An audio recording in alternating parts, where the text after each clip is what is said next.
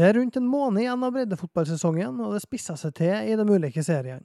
Det blir stadig tydeligere hva lag som skal gjøre opp om opp- og nedrykk, og hva av de gjenstående kampene som er nøkkelkamper for de ulike lagene. Du hører nå på Opp med praten, en podkast i regi av avisa Driva. Mitt navn er Øystein Gjelle Bondhus, og annonsør i denne episoden her, det er Sparebank1 Nordmøre. Og med meg i studio for å vurdere nøkkelkamper og opp- og nedrykk, så har jeg som vanlig Torgeir Ruud Ramsli fra Sunndalsøra. Der har det vært et vanvittig terrengvær i helga, og, og rasfare gjorde annet at Sunndal KFK CFK ble utsatt. Og Torgeir, har det slutta å regne nå, eller? Ja, det har det. I dag har det jo vært eh, nydelig vær. Sol og greier. Så nå er vi jo tilbake til normalen igjen på Sunndalen. ja, det er fornøyd med været dere innpå der. Det, det er lov, det. Skjønner jeg godt. Jeg er misunnelig på den av og til når jeg leser om eh, varmest i landet og sånn. Ukas gjest det er en mann som mange kjenner godt til. Han har nok det som jeg vil anta er et av kretsens største kontaktnettverk innen eh, lokal fotball. Han kjenner både lag og spillere godt, både fra sin egen karriere som aktiv i bl.a. Treff og Eidsvåg, og som oddsguru i Oddsfabrikken, der han i en årrekke var kretsens eh, ja, aller fremste oddstipser, og kanskje òg tipper. Jeg snakka da sjølsagt om Johan Oltedal, og velkommen til oss i Opp med praten, Johan. Tusen takk, hyggelig å være med. Ja, Kan du ikke bare starte litt med å fortelle om det som uh, Altså spillerkarrieren din, da, for å ta det først, og da tenker jeg som, som fotballspiller? Nei, noe, jeg har nå egentlig gått sånn, kan jeg si, kanskje ikke gått gradene, men jeg har i hvert fall alltid spilt på treff. da. Det har jo det som har vært barndomsklubben eh, i alle år, egentlig. Fram til jeg var en 18, ja, 19. Og da flytta, vi, flytta jeg til Oslo. Eh, da spilte jeg litt på et lag som heter Aurskog Høland. Eller nå, het, nå heter det Aurskog Høland, før het det Høland. Uh, var der en og en halv sesong, og da kjempa vi Ja, det var kvalik begge åra. Første året ryker vi vel mot KFUM. Og det var vel Tror ikke de har vært nede etter det. Det var da de liksom tok steg opp i andre. Uh, og så andre året, da ble jeg bare med halve året, faktisk, for jeg flytta tilbake igjen. For jeg hadde begynt på et studie som ikke var helt uh... Da flytta jeg tilbake til Molde, spilte litt på treff. Ble det egentlig mest uh, andrelaget da, for, når de var i andre divisjon. Og så bestemte vi for å trappe ned litt og spille på Eidsvåg, da. Og da var vi der fra 2012 til 2015, tror jeg. Og der er jeg kanskje en av de beste tidene jeg har hatt eh, fotballmessig. Det var kjempeartig. Utrolig bra miljø og mange kompiser og sånn. Og så var det også veldig artig. Altså Den fjerde divisjonen i, i, Molde, den er veldig Det er veldig mye dress rundt det. Og, og det er, jeg ser ja, folk rundt omkring er veldig, veldig interessert i det. Altså, det er veldig, en ganske artig divisjon å spille i. Og så etter det så flytta jeg til Trondheim og studerte trafikklærer. Da spilte jeg i sjette divisjon, da. Så etter det så har det egentlig vært mest på kos. Så har jeg flytta tilbake igjen og jobba fire år som trafikklærer. Så nå spiller jeg litt på Bjørset, men det er Vi har gått over til sjuer, for vi er ikke nok folk og sånn. Så sist kamp nå så var vi fire mann. Men eh, vi skal spille i morgen. Nå tror jeg vi er nok til å spille kamp, da. Men det har ikke vært så mye treninger, da, så det blir jo ganske sånn ja, tungt, men artig, da. Så hvis jeg skal trekke fram én ting fra karrieren, da, som, så er det Norway-finale. Det var liksom det du kan si, det var det store da, for meg. Ellers så har det vært sånn rundt i breddefotball. Tredje og fjerde divisjon, stort sett. Ja, Kan du fortelle litt mer om den Norway Cup-finalen? Nei, det var Vi var et år vi var ganske bra, for vi var veldig sånn sammensveisa. Eh, veldig god lagmoral. Så hadde vi egentlig Det var ingen som var sånn veldig utprega, men vi var veldig jevne på alle, alle posisjonene. Og jobba veldig bra for hverandre. Og da kom vi ganske langt. Jeg vet ikke hvor vi kom i kom ganske langt i NM, tror jeg. Vi røyka mot Stavik på straffekonk. Og så, ja diskuterte seg litt hvor bra det nivået var det året da på junioropplegget, men det vet man aldri. Men vi kom i hvert fall til finalen, tapte 1-0 mot KFUM. Fryktelig kjedelig fotballkamp å se på. Det var så, så, KFUM det er på en måte nemesisen din? Ja, det er faktisk det. Når jeg tenker på det, så er det faktisk ofte når de tipper på, så ryker KFUM. altså det er jeg vet Det var mange som brant seg i helga mot Bryne. Den holdt i munnen da, men Ja, sant. Du er jo nå på delt andreplass på toppskårerlista, du faktisk, med en sjuer for Bjørseth. Men får vi se det Får vi se det er comeback i Eidsvågen når de har rykka opp? Eller hvis de rykker opp? Nei, det er jeg veldig usikker på. Det hadde vært litt artig, men, men det er litt sånn, jeg kjenner det, det er ikke så gratis som før. Altså, Før kunne du kanskje vært med i femte div og, og liksom, i hvert fall heva nivået ditt. da. Nå er det litt sånn at når du ikke får trent mye, så kjenner du at det er både beina og Og da er det ikke like artig. Da må du på en måte trene litt flere ganger i uka. og, og Jeg har ganske dårlige ankler. Jeg vet at Hvis jeg trener på kunstgress lenge, så blir det, blir det dårlig ankel. Så jeg tror ikke det blir noe mer på meg. noe sånn. Selv om det frister. Men da ganske, jeg kjenner merker veldig stor forskjell på gras og kunst. Du skåra jo bortimot uh, ti mål òg i fjerdedivisjon i glansdagene her for en uh, knappe ti år siden, så det er jo ikke noe tvil om at du har vært med å, å sette farge på, på, den divisjonen der. Nei, det var veldig artig. Vi ble litt fort på den hjemmebanen vår, egentlig, på, på gresset. Vi hadde jo veldig mange kamper uten tap der, så det var litt, det var litt artig. Ja. Vi følte oss litt ikke uslåelige, men at det var vanskelig å ta der, da. Torgeir, hvordan uh, husker du Johan som, som spiller? Jo da, jeg husker da han eh, godt. Jeg husker han mest som en sånn eh, en, en, liten type. da, En litt karakter med litt eh, meldinger og litt sånn. Kjenner nå broren og sånn. De er jo ikke så ulike sånn hva skal jeg si, i atferd og sånn på banen. da. De, de liker jo å markere seg litt. Jeg husker det jo mest som en hva skal jeg si, en arbeidshest. Det da egentlig sprang veldig mye og ja, indreløper, litt fin venstrefot, hvis jeg husker riktig. Eh, kanskje litt treg, litt lik broren der òg. Men eh, ja, ganske slepen venstrefot og, og jobba godt. Sprang mye begge veier. Litt sånn boks-til-boks-spiller, så jeg husker han godt. Kjenner du igjen, Johan? Ja, det stemmer ganske bra, det tror jeg. Jeg vil si at De var sånn midt på treet, ikke sånn spesielt kjapp. De var mer sånn som kunne springe ganske mye. da. Så jeg merka utover kampene på slutten, kanskje hvis andre spillere ble litt sliten, så hadde du kanskje litt ekstra å gå på noen ganger. Ja, så er det nok mange som, som forbinder med oddstipping. Altså når og hvordan starta den interessen?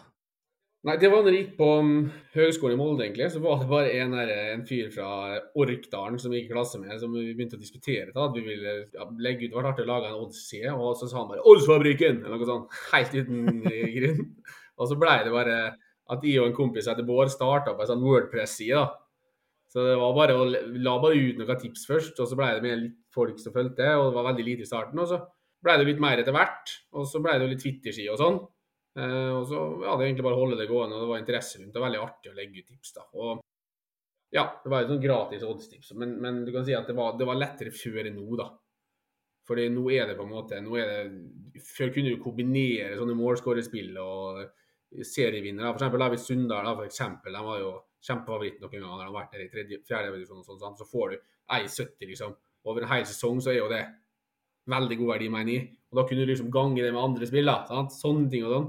Og det, og det, går ikke lenger. Og så er det jo slik at det er mye vanskelig å sette inn penger på nettet nå enn før. Og, så den der, den der interessen, interessen for breddefotball og fotball er akkurat like stor, men, men det der med å legge tips og sånn, det ble liksom datt litt med åra. Men det var veldig artig.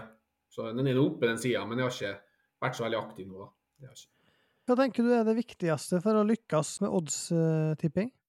Nei, det viktigste er nok å spille på det du kan, da. Det, du, det er jo absolutt mulig å tjene penger på litt lavere divisjoner nå òg, hvis man er veldig sånn strukturert og sånn. Eh, så det tror jeg er det aller viktigste. Ja, Du spiller på det du kan, og så greier å holde det til å ikke spille på andre ting. Jeg merker jo f.eks. sånn som nå, jeg spiller mye mer underholdningsspill nå enn jeg gjorde før. Sant? så det, jeg, jeg, vet ikke hvor mye jeg tjener på tipping nå, men det, det er artig. Da, så det, liksom, det går litt på men jeg tror det er det aller viktigste. Spille på det du kan, og så selvfølgelig spille til verdi, da. Det var en som lufta det med et verdispill. Da kan jeg si Det største verdispillet jeg har spilt, jeg tror jeg var på Surnadal, faktisk. Jeg tror jeg var mot Åndalsnes eller noe sånt. Jeg tipper det er åtte-ni år siden.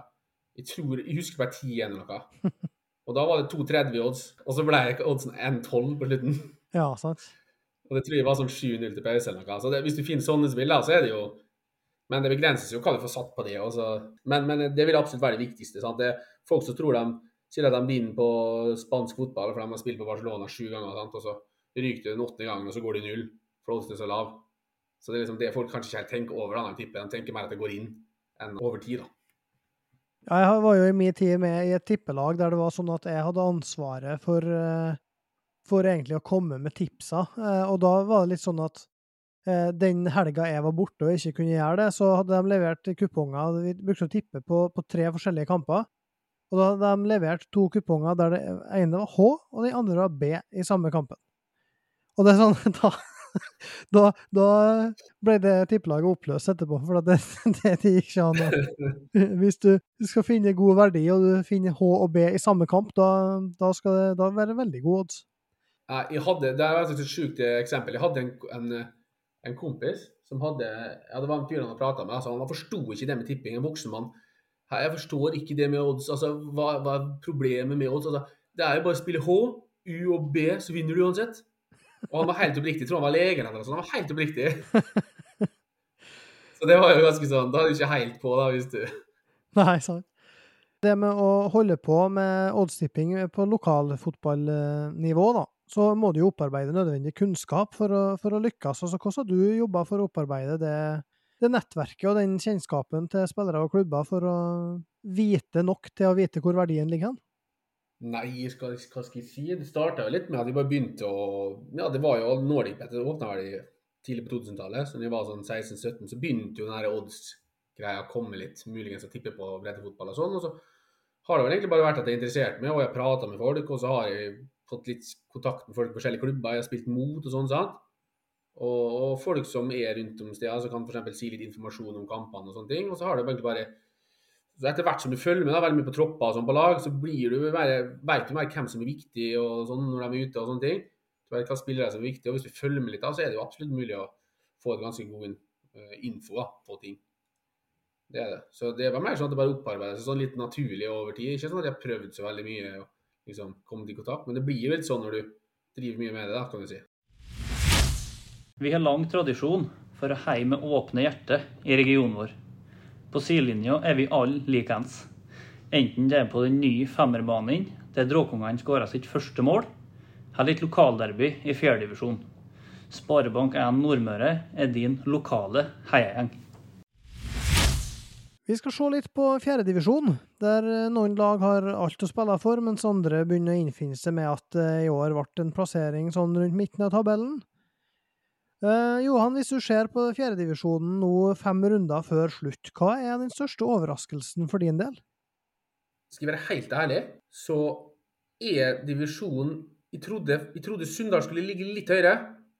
Ikke at det er en kjempeoverraskelse, men jeg vet at det ble, ganske mye ungt og nye spillere og sånne ting. Men, men jeg trodde kanskje de skulle ligge litt høyere. Men jeg ser jo det er veldig jevnt, da. Det er bare to poeng opp.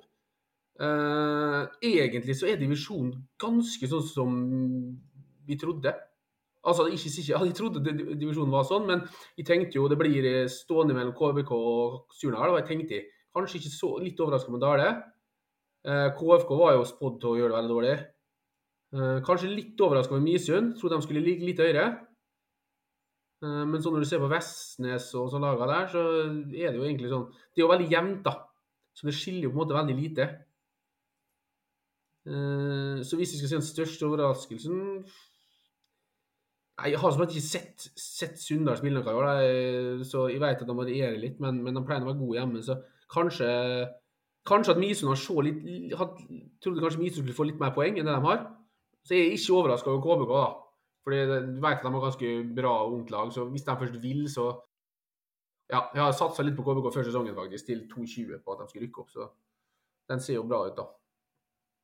Ja, den ser jo veldig bra ut. og KBK vant jo 3-1 over Dale denne runden her, i en, en eh, tett uh, toppkamp der. Tomrefjord slo Misund 4-0. Vestnes Varfjell slo Malmefjorden 2-1. Surnadal slo Åndalsnes 2-0. Så ble det 5-4 til Eide omegn borte mot treff 2. Og så ble Sunndal KFK da utsatt pga. rasfare. Nå er det jo slik at uh, I de, de, to kampene som var spilt på mandag, så skåra han uh, Ruben Skjøtås Toven tre borte mot treff to, mens han eh, Leander Næss Alvheim skåra to mot Dale. Så de har nå 19 og 18 mål og driver og peker seg ut ganske kraftig som de to som kommer til å kjempe om toppskårertittelen. Torgeir, du tippa jo på en Leander Næss Alvheim før sesongen. Står du på det tipset, eller? Ja, det står jeg på. Og bare si det at den episoden kanskje vi snakka mest om det, så så hadde vel det han Alveim og uh, Jens hadde en Toven, og du hadde vel kanskje han uh, Tobias Dale, da. Så vi er jo ikke helt sånn på skogen i tipsa våre. Nei. Så nei, men jeg, jeg, står på han, for jeg tror KBK får noen store seire til. Så jeg holder på han. Ja, så må jeg jo si det at vi er jo veldig imponert over det som en Ruben Sjudås Toven gjør her. Eh, Skåra tre borte mot treff og, og, viser seg jo som den toppspissen som Eide er helt avhengig av. Hadde jo kanskje Forventa at det ga enda litt flere poeng for Eide, men uh, borteseier mot treff to, det, det, er sterkt. For Treff 2 stiller jo med både Okanovic og Evertsen og Selmer og, og Maktar Tion og en hel gjeng fra førstelagstroppen, eh, så der er det sterkt av en eh, Ruben og, og gjengen å, å, ta den. Der må en jo nevne noe som vi snakka om overganger forrige gang, og der har jo Eide henta tre nye spillere. Blant annet der så debuterte en Vetle Vågan Selnes med skåring. Eh, satte inn 1-0-målet, og Ole Østbø kom òg inn og fikk debuten sin, så, så de forsterka jevnt og trutt i Eide òg, og nå altså en sterk borteseier her, så det må de ha kred for. Så var det jo et voldsomt regnvær eh, på Indre her, som, som nevnt, med Sunndalen, men eh, Surndalen eh, mot Åndalsnes, den gikk som den skulle. Ble flytta til kunstgress, og der ble det 2-0 til Surndalen mot Åndalsnes. Anders Trønsdal Røen Skåra sitt første A-lagsmål der, og så skåra Sondre Næss Bolme, som har vært ute siden seriestarten omtrent, med ankelbrudd 2-0. Og det mm, var jo et surnadalslag uten både Vegard Brøske og Andreas Arsak Sæter, Lars Mokstad, Arnstein Aasbø, Stein Todalshaug. Så Tomrefjord har jo fått tilbake en gammel helt, inn Erlend Søberg. Han dukka opp og satte 1-0 ganske tidlig mot Misund, og det ble 4-0 der. Du var inne på Misund, Johan de har jo nå uh, fått det ganske tøft. Absolutt. De har erstatta Arnt Erik Brakstad, som du kjenner godt, med en Jonny Gode som hovedtrener. Mm. Ligger nest sist nå med fem kamper igjen. Hvordan tror du de kommer til å få det hjemme mot KBK2 nå i neste kamp? Nei, Jeg tror det kommer til å bli ganske komfortabel KBK-seier. Selv om det er på gress, så er jeg redd de kommer til å bli sprunget i senk altså. av det unge laget. Så jeg tipper det kan bli sånn Skåre tre mål, slippe inn seks-sju. Altså plutselig så kan det bli sånn kamp. Jeg tror i hvert fall KBK vinner ganske komfortabelt. De har jo skåra 40 nå på de seks siste kampene mot Misund. Ja, de har to tap borte, eller men eh, de har jo vunnet resten. Og så har de eh, seks seire, og så har de hjemme har de vel ikke tapt, tror jeg. Så skåra i hvert fall desidert mest mål da, i avdelinga. Så jeg tror nok det blir litt tøft, ja. Det tror jeg. Men, men jeg, angående, angående nedrykk og sånn, det er jo utrolig vanskelig å vite fra år til år. Fordi det er jo så masse faktorer som skiller fra andre. Er det, er det, er det, kan det maks være én eller minimum én, eller er det Altså, KFK går jo ned, men er det liksom Kan 11.-plassen greie seg? 11.-plassen kan greie seg, kommer man på KBK2 eller avdelingsvinneren. Ja. For, for, sånn som det er nå, så er jo Molde 2 eh, rykker ikke ned fra tredjedivisjon. De eh, gjør det for godt i tredje. Og det betyr at hvis KBK2, eller den som vinner serien Vi skal ikke ta det på forskudd, men det ser jo sånn ut. Hvis avdelingsvinneren vinner eh, kvaliken mot Sunnmøre, så er det ett lag som går ned. Hvis Molde 2 holder seg, som det ser ut som de gjør, og vinneren ikke rykker opp, så går to lag ned. Ja, skjønner. Ja, for det, jeg tror det blir sinnssykt spennende nå mellom Misund og Tomrefjorden. Misund og Malmefjorden? Begge har egentlig ganske hardt kampprogram igjen. Men uh, Malmefjorden har kommet seg. De har fått til spillere, de har kommet seg, altså. Jeg tror Åndalsnes ikke de, de, greier seg, de er bare rett over, men de er Men jeg, ser, jeg tenker jo egentlig Malmefjorden kommer foran, jeg, altså. Men når jeg ser på kampene de har, så er det jo ganske vanskelig. Ja.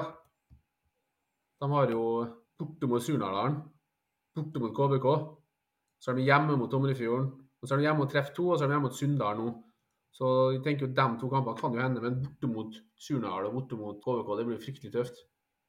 Men jeg synes de, de, er jo litt på gang. Og når du ser på laget deres, så er det jo egentlig ganske bra. altså Den hjemmekampen, f.eks., de vant uh, Åndalsnes.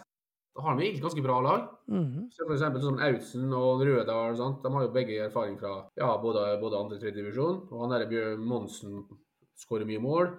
Så har de jo litt uh, rutine bak der òg. Så jeg tenker jo liksom at de bør ha gode muligheter til å holde seg. Men, men jeg tror det blir veldig jevnt, fordi kampprogrammet er veldig tøft. Men de heller knapp på Malmefjorden foran Misund.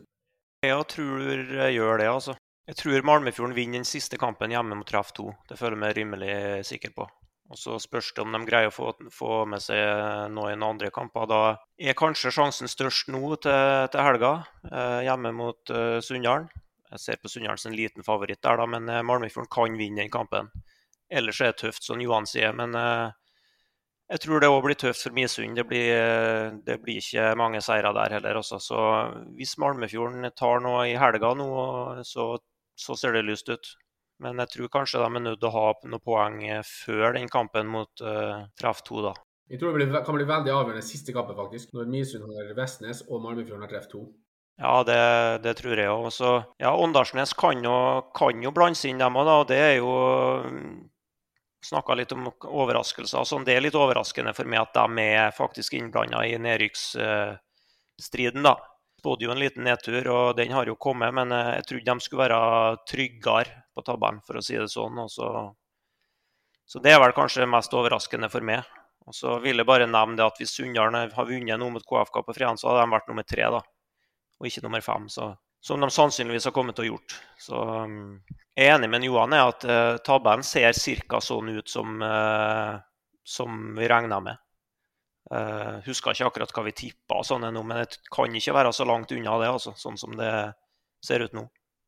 Og så ser du liksom så laga, om det er Vestnes altså, Det skiller jo litt, da, men Vestnes treffer Åndalsnes, Malmefjorden liksom. Det er bare fem poeng som skiller òg. Så det er liksom ikke sånn om det så er en plass opp eller ned vi ville tenkt annerledes, så er det ganske det skiller i hvert fall ikke masse poeng fra de plassene. Altså.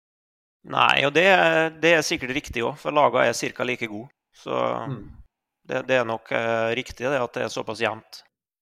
Ja, og hvordan tror du, hvis vi ser på topp seks, da Nå skal jo Tomrefjord møte Åndalsnes borte. Der har det blitt uh, tre tremålsseiere på rad til Tomrefjord i de innbyrdeskampene der, og de kommer fra 4-0-seier sist.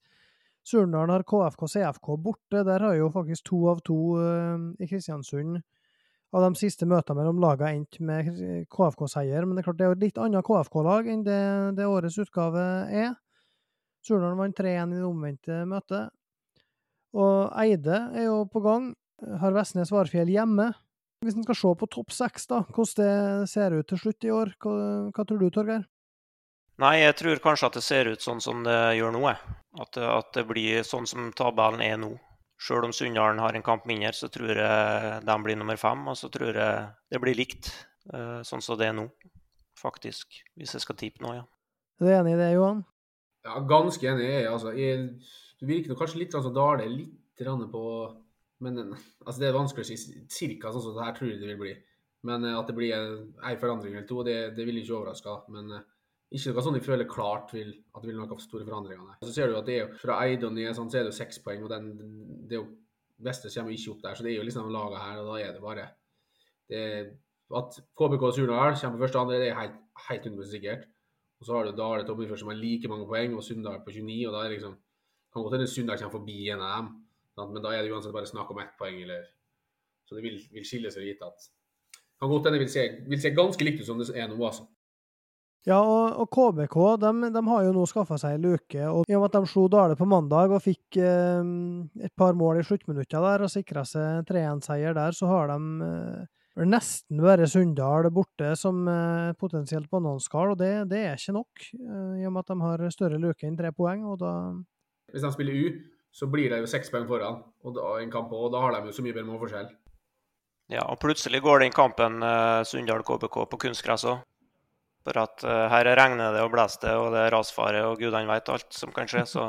Og da er plutselig hjemmebanefordelen til Sunndal med gress på en tung og våt gressbane borte. Så da er KBK favoritt der òg, ganske klart. Sånn at eh, det er nok uh, avgjort.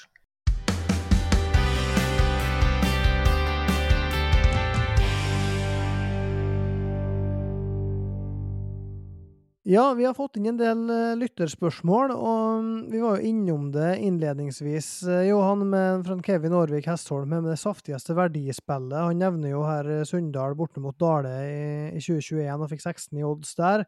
Du nevnte Surnadal mot Åndalsnes. Magnus Nederland han lurer på om du har noen gode historier fra breddegarderoben, og om du har delt garderobe f.eks. med ja, folk med spesielle musikalske talent, f.eks.? Ja, jeg har jo for så vidt det. Det er en ganske vild, litt vill historie. Ja. Det er ganske artig. Um, det var når de spilte på Høland, da. Veldig god sånn um, veldig god garderobekultur. og det, det, er jo noe av det jeg lengter mest etter med fotballen. Det er jo den garderobegreia. Når de kanskje har ligget under en kamp og snudd og sånn.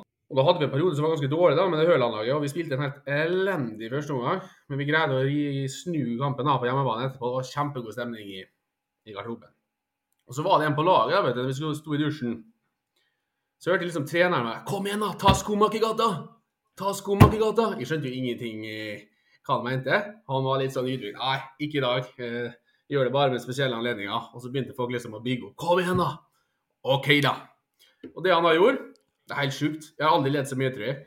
Han tok altså ja, eh, snabben sin, og så la han vann imellom, og så slo han han på låret, så det hørtes akkurat ut som Det var akkurat sånn. Det var som å høre sangen, og folk lå og rulla i dusjen. Det var helt episk. Ja, ja det, er, det er mye å savne med garderobekultur, det er ikke, det er ikke tvil om. Men eh, eh, Arne Inge Solgard han lurer på om du kan dra en historie fra tida i Eidsvåg òg. Jeg vet ikke om det var like mye klasking der, men eh, i hvert fall en historie. Det er veldig vanskelig å komme på på sparket sånn. Masse gode opplevelser, men uh... Ja, men den var bra, den forrige. da, Den første du tok, så. Det, kanskje vi skal holde oss til den? ja, berge med den, altså. Berge Ja, fint med den. Den beste opplevelsen på banen var nok faktisk når vi slo dere, Surnadal, 4-0 på kunstgressbanen her. Begge lag var toppa, og dere hadde gjort det bra, og vi gjorde det Ja, det var bare en sånn bunnsolid kamp. Jeg tror vi vant 4-0 eller noe. Stemmer det. Så det tror jeg faktisk er den beste kampen vi har spilt med Eidsvåg. Når jeg, har vært jeg var der. Jeg vet ikke om du husker det. 14, tror jeg det var. 13 eller 14. Jeg husker den kampen der, ja. Mm. Jeg tror det var på Eidsvåg-dagene òg, i tillegg. Ja, det der var Jeg husker at den skulle komme, jeg tror det var 2015. Uh, skulle komme der, og det var helga etter at eh, de hadde tapt mot Sunndalen. Det. Og så, Jeg var jo ikke med utover, jeg hadde jo ikke noe med, jeg var jo daglig leder, men hadde ikke noe, noe rolle rundt laget da. Men det var jo en sånn Visste at det der var en, en tøff kamp borte i Eidsvåg, det er alltid tøft. Og, men men 4-0, det så jeg vel kanskje ikke komme, da. Det, det, det må man være ærlig på. Jeg er overrasket. Petter Sjåholm jeg lurer på, på status på badstua, eh, Johan? Ja, det er mange som gjør. Det begynner å bli veldig bra. Eh, nå har de fått opp hele badstua, men nå skal de begynne å installere litt ting inni og sånn. Så det tar nok litt tid. Men de sa nå en måned da fra de begynte. Nå har det gått tre uker, men eh, sånne ting tar alltid litt lengre tid. Så jeg tenker i løpet av en fire til seks uker, så tror jeg badstua er oppe. altså. Og det her er da snakk om ei badstue hjemme hos deg? Nei, vi har, jeg og noen kompiser har ordna flytebrygge, sånn som vi gjorde i Oslo og Trondheim og sånn, i Molde. Så vi starta opp med det her for tre-fire år siden, når vi satt i badstua i Oslo på Salt. Og så bare her er jo kult, skal vi prøve det her i Molde òg? Og så har vi vært masse fram og tilbake, tatt tid med kommunen og alt sånt, så det har vært først de to siste åra vi har ordentlig. Så nå fra om en måneds tid så skal det være mulig å, å nedenfor glass kan vi leie badstua, og så kan jeg, ser du utover mot fjorden og hoppe i sjøen. og Peder Bua, arkitekt, som har tegna alt, og så jeg tror det skal bli veldig bra. altså. Ja, stilig. Det anbefaler jeg hvis du skal ta turen til Molde og prøve. Det skal du ikke se bort fra. Svein Erik Gregersen han lurer på hvor det blir av kassa med øl som han hevder du skylder han etter et veddemål. Nei, det vet du hva, den har jeg Jeg veit at det var et veddemål en gang. Eh, Jeg husker ikke hva det var, men eh, jeg husker at det var et eller annet jeg tapte den mot. Det var noe nedrykk. Det var noe KBK-greier, tror jeg. Helt sikkert. Så eh, den kassa skal han få. Jeg tror det var vi snakk om, da var det 033 da, med sånne glass eh, Tuborg-glass. Så den får du ikke lenger, da, så den må bli eh, boksa isteden. Så får han komme til Molde, så skal han få en kasse med brus av meg. Ja, det høres bra ut. Osebrus. Jan Ragnvald Eide han har spurt tror de at interessen for lokalfotballen er såpass stor nå at de største avisene bør dekke den i langt større grad enn det som blir gjort i dag? Altså tenker da tippekonkurranser, referat, tabeller osv. Hva tenker du, Torgeir, om, om det? Jeg lurer litt på hva han mener med de største avisene. Jeg tror ikke at det er noe for eh, VG, Dagbladet, Aftenposten, liksom. Det, jeg tror ikke jeg vil dra det dit. Da må det være noen spesielle historier sånn, som gjør at det blir interessant. Men ja, regionsaviser og, og sånne ting dekker, dekker jo litt, rann, og så er det jo vanskelig å vurdere om det er hvor interessant det er, da. Men eh, det er nå ofte sånn at det er en sånn fast menighet kanskje som følger lokalfotballen og breddefotballen uansett, da, tror jeg. Og det er vel likeens i vårt område og, og resten, så vanskelig å si. eh, Nå eh, jobber nå du i, i media, Øystein, bare med av og til, så kanskje du vet litt mer om grunnlag og lyttere og lesere og sånne ting. Men jeg kjører det vanskelig å svare på, egentlig. Det var et uh, vanskelig spørsmål. Jeg tror kanskje ikke interessen er noe større nå enn den har vært. da. Det tror jeg er sånn rimelig konstant. Ja, jeg tenker jo det at uh, for å ta de store avisene først, da, så er jo jeg personlig mer interessert i eh, sportsjournalistikk om sporten, uh, og ikke sensasjons-, altså klikkbasert eh, om enkeltpersoner og lese om en Haaland har gått på den eller den restauranten, liksom. Da har jeg mer lyst til å, å vite hvordan kampen gikk, og lese et godt referat fra den, f.eks. Men det er jo veldig på tur ut. Eh, Det er personavhengig, og det er spesielt i de store, men òg mer og mer i, i, mindre mediehus, så blir det sensasjons personbasert. Det skal ikke være referat, det skal være historie òg. Klar over at det er ikke alle som er like interessert i meg, så, som meg, i, i sport, og det er helt greit. Eh, når det gjelder regionaviser, så føler jeg jo det at f.eks. Romsdals Budstikke og sånn er jo veldig, veldig flink på, på, sport. Jeg syns, syns de er gode. Um, og, og, så er det jo sånn både på region- og, og lokalavisnivå at uh, sport er jo et stoffområde som tradisjonelt sett er relativt lite lest. Altså sånn hvis du teller antall klikk så, så, er det mindre lest enn hvis du har ei, nyhetssak, eller om du har en, eh, et portrettintervju med, med, noen som har ei god historie å fortelle. Så, men der òg ser vi jo stor forskjell på at hvis du finner de gode historiene og vinklingene, så, så leser folk dem. Og, og vi merka jo det gjennom både podkast og streaming, både for Driva sin del, av både Hydrocup og, og lokalfotball, at uh, det er veldig stor interesse rundt det som er ordentlig lokalt. Så, så, jeg tenker jo at uh, det, det, er en balansegang uh, med at avisene skal gjøre samfunnsoppdraget sitt, som jeg mener at det å støtte opp uh, og skape engasjement og, og rundt sport, lokal sport, er, da. Med det med, med, ressursbruk på det, og, og, der er det jo en annen ting som kommer inn når det er såpass små. Nå er vi jo kanskje litt vekk fra det Jan Ragnvald spor om med de største avisene, men, men for ei lokalavis så er det jo ikke veldig mange journalister ansatt, og det betyr jo at det er jo litt personavhengig, og det er ikke alle som kan sjargongen, det er ikke alle som har interesse. Eh, og, det er stor forskjell på hvem som har helgavakt, det er stor forskjell på hvem det er som har mulighet til å dra på en kamp. Uh, og det, det vil òg påvirke dekninga, sjølsagt. Uh, men ideelt sett så, så, ønsker jo både Driva og, og vet alle mm, lokalaviser, vil jeg tro, å ha så god sportsdekning som mulig. Og lokalfotballen, den, eh, den har inntrykk av at fenger fortsatt veldig godt. For jeg ser det at eh, hvis en får ut ei sak om lokalfotballen ganske kjapt etter en kamp, så blir den godt lest. Så det har med timing å gjøre, og det har med, med vinkling å gjøre. Sånn for å ta det. Um, så er det jo artig at vi kan, kan krydre det med litt stream og pod, da. Uh, sånn som Oppe praten, for eksempel, har jo bortimot ja, nærma seg og kommer til å passere sannsynligvis med denne episoden, eller neste, 30 000 avspillinger siden vi starta opp. Og det, det, er ganske mange med tanke på at det er et ganske smalt tema. Uh, angående det der temaet du snakka om nå, jeg også synes det er ganske vanskelig å svare på, men jeg tenker jo, jeg husker jo før, f.eks. på RB-nett, så var det jo sånn både for fjerdedivisjon Jeg lurer på om det var femte òg. Jeg tror ikke det var i tredje, for det var litt høyere. Det var i hvert fall, tredje, ja, i hvert fall fjerde og femte. Kanskje det var i tredje òg. Da var det sånn, det sto litt om hver kamp. Litt referat fra kampene, bare sånn ti linjer. Og så sto det f.eks. banens beste. Det var veldig kult når det var sånn. Det var veldig kos å, å åpne avisa på lørdag og se liksom Å ja, nå har Søya spilt mot uh, uh, Kvass Ulvågen når det ble 3-5, liksom. sant? Og så ser du hvem som skåra. Det er litt artig. Ja, han jeg veit ikke hvem er. Og så banens beste. Sant? Sånne ting syns jeg kunne fortsatt med. Det er, lenge siden de slutta med det, men det er jo sånt som krever veldig lite. Det kan jo bare være en kamp, fyr som er på kampen, som bare ja, sier, sier hvordan kampen gikk, og så skrives det et lite men, eh, men, sånn generelt så virker jo sånn i storavisene så tror jeg at det ville forsvunnet bort i mengden. Fordi du ser nå da hvor anglofile alle folk er. Det er jo Nei, jeg vil ikke se på norsk fotball, for det går så seint. Den holdninga der.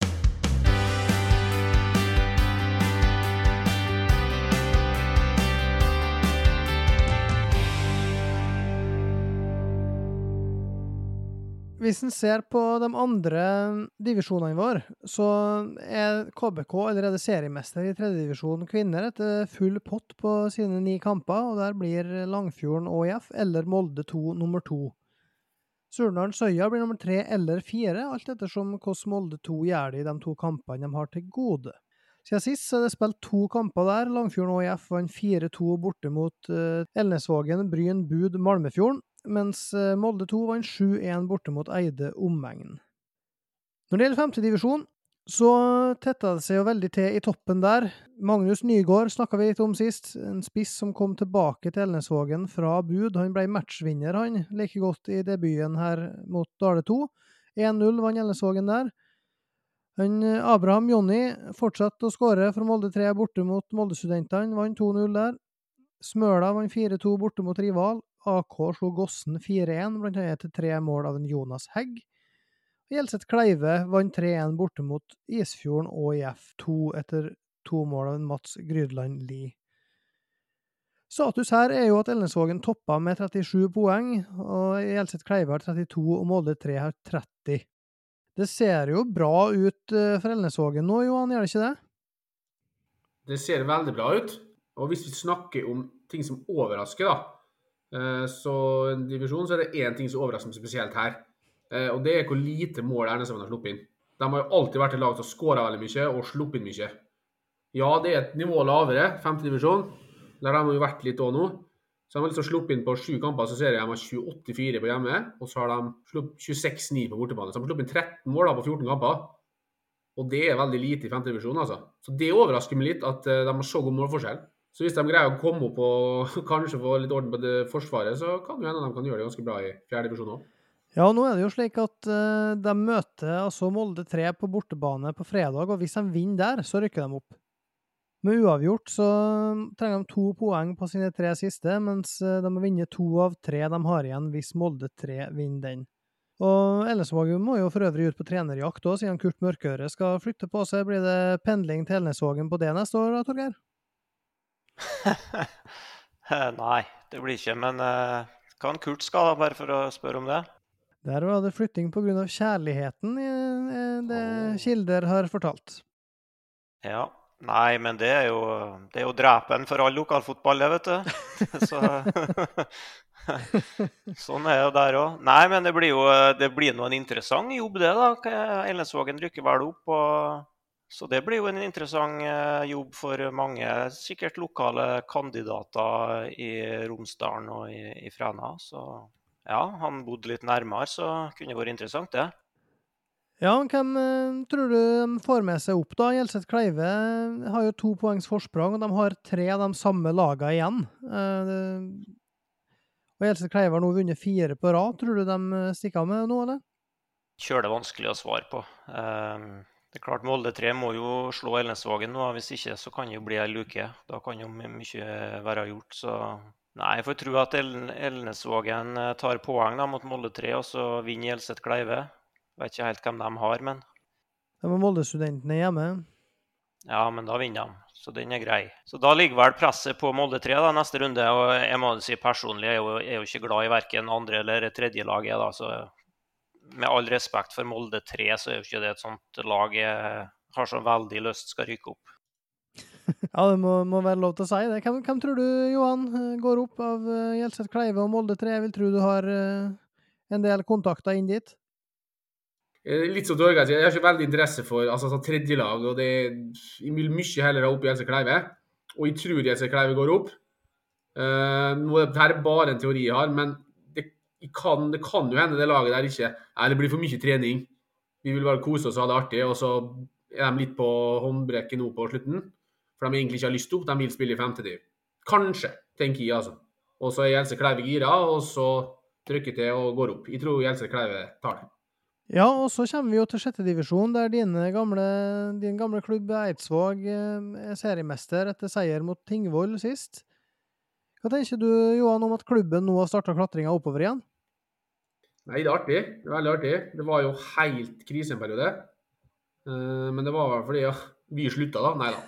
Eh, men det var jo etter det så var det jo kollaps. Det var jo fordi det var mange som ja, Det virka ikke som det var nesten stille lag en periode. Det var så har de fått tilbake litt folk og har det gode unge spillere, så det ser, begynner å se veldig bra ut. Uh, og så er det jo litt sånn med at vi får nå håpe litt Jeg vet ikke hva klubben tenker, da, men hvis det, de bare får tilbake en haug med gamlinger, så kan det hende det, det er en miks som tror jeg er greit her. Slik at det ikke nå kommer 15 mann liksom, og tar over hele laget, og så får ikke de unge Jeg tror det er viktig at de unge nå får videre etablere seg. Det tror jeg er viktig. Og så et par-tre erfarne spillere i tillegg, det er sikkert ikke dumt, sånn som det har blitt nå. Enig i det, Torgeir? Ja, det er jeg helt enig i. Eh, det er greit at mange av dem de har henta tilbake, er bra, eller har vært bra, får vi jo si da, når det gjelder et par av dem, og de begynner jo å dra på åra. Men jeg er enig med Johan. Eh, det var jo ingen av dem som spilte nå sist eh, heller, så vidt jeg så, av de nye. Så det er jo det, det, er jo det her nye Eidsvåg-laget som har rykka opp. og da Det er vel det de har sagt, at de, de vil bygge et nytt Eidsvåg-lag med lokale unggutter. sånn at ja, hente bak en fire-fem eh, altså De sokner jo til Eidsvågen og er fra Eidsvågen, og sånn, det, det syns jeg er greit. Men hvis de nå skal begynne å dra inn en, en fem, seks, sju studenter fra fra Molde igjen. Eh, så blir det feil, syns jeg. Så jeg håper at det, de ikke faller for den fristelsen. da. Nå gikk jo det bra eh, en del år. Eh, Johan var jo en del av dem. og men så at når de slutta, så, så, så, gikk det nedover igjen i divisjonene. Så prøv å bygge sitt eget lag nå, tror jeg. Det har vært smart. Ja, og så kan jeg nevne der at Søya slo Sunndal 2-2-1 eh, i helga. Der var det en profiler som en Trond Blekken og en Bendik Hårberg blant annet på, på, på skåringslista. Uh, I avdeling to kan vi gratulere Frei. Litt uh, tidlig for så vidt, i og med at Nordland i teorien kan komme av poeng, men med 43 mål dårligere målforskjell og Frei har én kamp igjen, Nordlandet to, så skal det godt gjøres å ta igjen det. Iallfall når Frei sin siste kamp er hjemme mot sisteplassen, Ekko Eurosen Malmefjorden. Begynner å se rimelig avgjort ut der. Um, litt artig at Bjørn André Monsen skåra to for uh, Ekko Aurosen Malmefjorden. De tapte 3-4 mot Bryn Bud 2. Og i en annen avdeling så skåra jo en eh, Idar Vangen Lysgård, blant annet, og en eh, Ruben Sjutås Toven spilte for eh, Eide omegn 2 borte mot AK2. Så vet vi at det har vært litt gnisninger f.eks. på, på Sunndalsøra med bruk av A-spillere på B-laget. Hva tenker du, Torgeir, om, om, det temaet der, sånn, da tenker jeg litt generelt? Uh, nei, jeg er jo veldig Jeg vet ikke om jeg skal kalle det firkanta eller prinsippfast eller gammeldags, eller hva, hva, det er. Men jeg mener jo at folk som starter for førstelaget, skal jo ikke spille uh, andrelagskamp. Og hva skal jeg si, klare førstelagsspillere har ingenting med å spille sjettedivisjon. Så at den gjengen som du driver og nevner nå, og, og driver og skårer to-tre mål og sånn uh, fordi at de møter andrelaget til en rival eller et eller annet og legger prestisje i de oppgjørene, de har vært midt på tabellen og har ikke noe spill for eller noe som helst, det syns jeg bare, bare er tøv. Altså, det skjer i min klubb òg. Altså, det er ikke noe med det var, flere A-spillere som var med på Sunndal 2 nå. Så. Der er problemstillinga litt annerledes. Da, at De har jo litt problemer med å stille lag. Og, og, og A-laget spilte jo ikke i helga og sånn. Men uh, når jeg ser de samme spillerne og de klart beste spillerne uh, på førstelaget og spiller på andrelaget fordi at det er så viktig å vinne den kampen, det, ja, jeg har ikke sansen for det i hele tatt. Jeg syns det blir tøvete, for å si det rett ut. Jeg er helt enig. Du kan se for deg da, hvis du har en Eh, ja, Du har et lag da, som er fremadstormende, masse unge spillere, har gjort det bra hele sesongen. Og så kan et lag som kanskje har gjort det en del dårligere, men vunnet enkeltkamper, så kan de bare ha med sånn, fire gode spillere da, fra, som er tre divisjon over, to divisjoner over, og så vinner de 5-0 av den kampen, og så går de opp isteden, f.eks. Det synes jeg nesten er litt prinsippsak. Å ikke bruke spillere. Og en ting er å bruke dem på benken, det er noe helt annet i viktige kamper, men hvis du tar med bare for enkeltkamper, stiller dritbra, det Nei, jeg er helt enig i det. Det er ikke bare artig at vi la ungene få spille fotball, da? Til mest mulig kamp? Ja, ungene, ja, men ikke, ikke de eh, klart beste spillerne. De, de har ikke noe utbytte av det sportslige heller.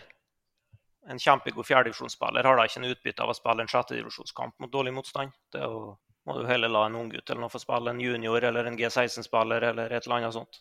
Det er jo det som nettopp er poenget, at de ikke skal ta plassen til noen som egentlig skulle ha spilt den kampen. da. Ja, jeg er enig i det, så lenge det ikke står om, som du sier, at hvis det er snakk om uh, å få til å stille lag, så, så, blir det noe annet. Men ellers så, så er jeg helt enig. Um, avdeling tre er Måndalen seriemester og møter dermed Frei og Eidsvåg, Eresfjord og Vissdal til kamp om to opprykksplasser. Og Ifølge Anita Ukkelberg, som er serie- og kamputvikler og som gjør en kjempejobb i, i kretsen, hun eh, sier at fristen for å avvikle kamper i sjette divisjon er førstkommende søndag. Deretter skal det spilles opprykkskvalik 1., 5. og 8. oktober. Lagene spilles én hjemmekamp og én bortekamp hver. Og da er jo da tusenkronersspørsmålet sjølsagt. Eh, to lag skal opp. Ett lag eh, må fortsette i sjette divisjon, og det er Måndalen, Frei, Eidsvåg, Eresfjord og Vissdal. Hvem går opp, tror du, Johan? Jeg er ikke så oppdatert på, på de lagene der. Faktisk, jeg, jeg vil faktisk uh, være nøytral. Ja, det er lov, det. Torgeir, og du har ikke lov å være nøytral? Nei, jeg liker ikke å være nøytral, da, men uh, det, det, er nok klart det er utrolig vanskelig. da. Vi har jo ikke sett dem spilt. Sånn at uh, Ja, hvem får hjemmekamp, da? Hvem får bortekamp? Sånn, noen spiller på kunstgress, Måndalen har vel gressbane, sikkert. Nei, jeg holder en knapp på uh, Eidsvågen og Freie, da, kanskje. Men så er det bare bingo. Så vi forventer oddsen kommer, og så får vi sette der det er verdig, som Johan sier. Mm. Ja, det høres, høres, fornuftig ut. Du kan legge til der, som en kuriositet i sjette divisjon der, at Stig Roar Søbstad, eh, gode gamle, han har skåra 18 mål i sjette divisjon for eh, andrelaget til Eide omegn i år. Så det, det, er artig. Legende, ass. Denne episoden her av Oppe praten den er så godt som slutt. Nå stiller vi inn sikte på helga og, og mange godbiter i lokalfotballen der, og da må det jo bli noen samletråder på Facebook òg, Johan. Der er jo du god. Ja, det skal det bli. Det blir, eh, det blir fjerde divisjon på klokka sju på fredag. Ja, det er bra. Tusen takk for at du var med oss. Ja, veldig hyggelig å være med.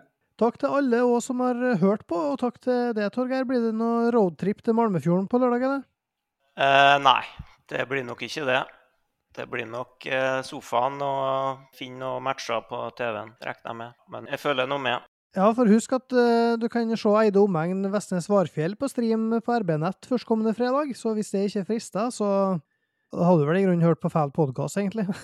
Nei da, oppe praten er allveg rett podkast, det, og, og lokalfotball det frister alltid. Takk for oss.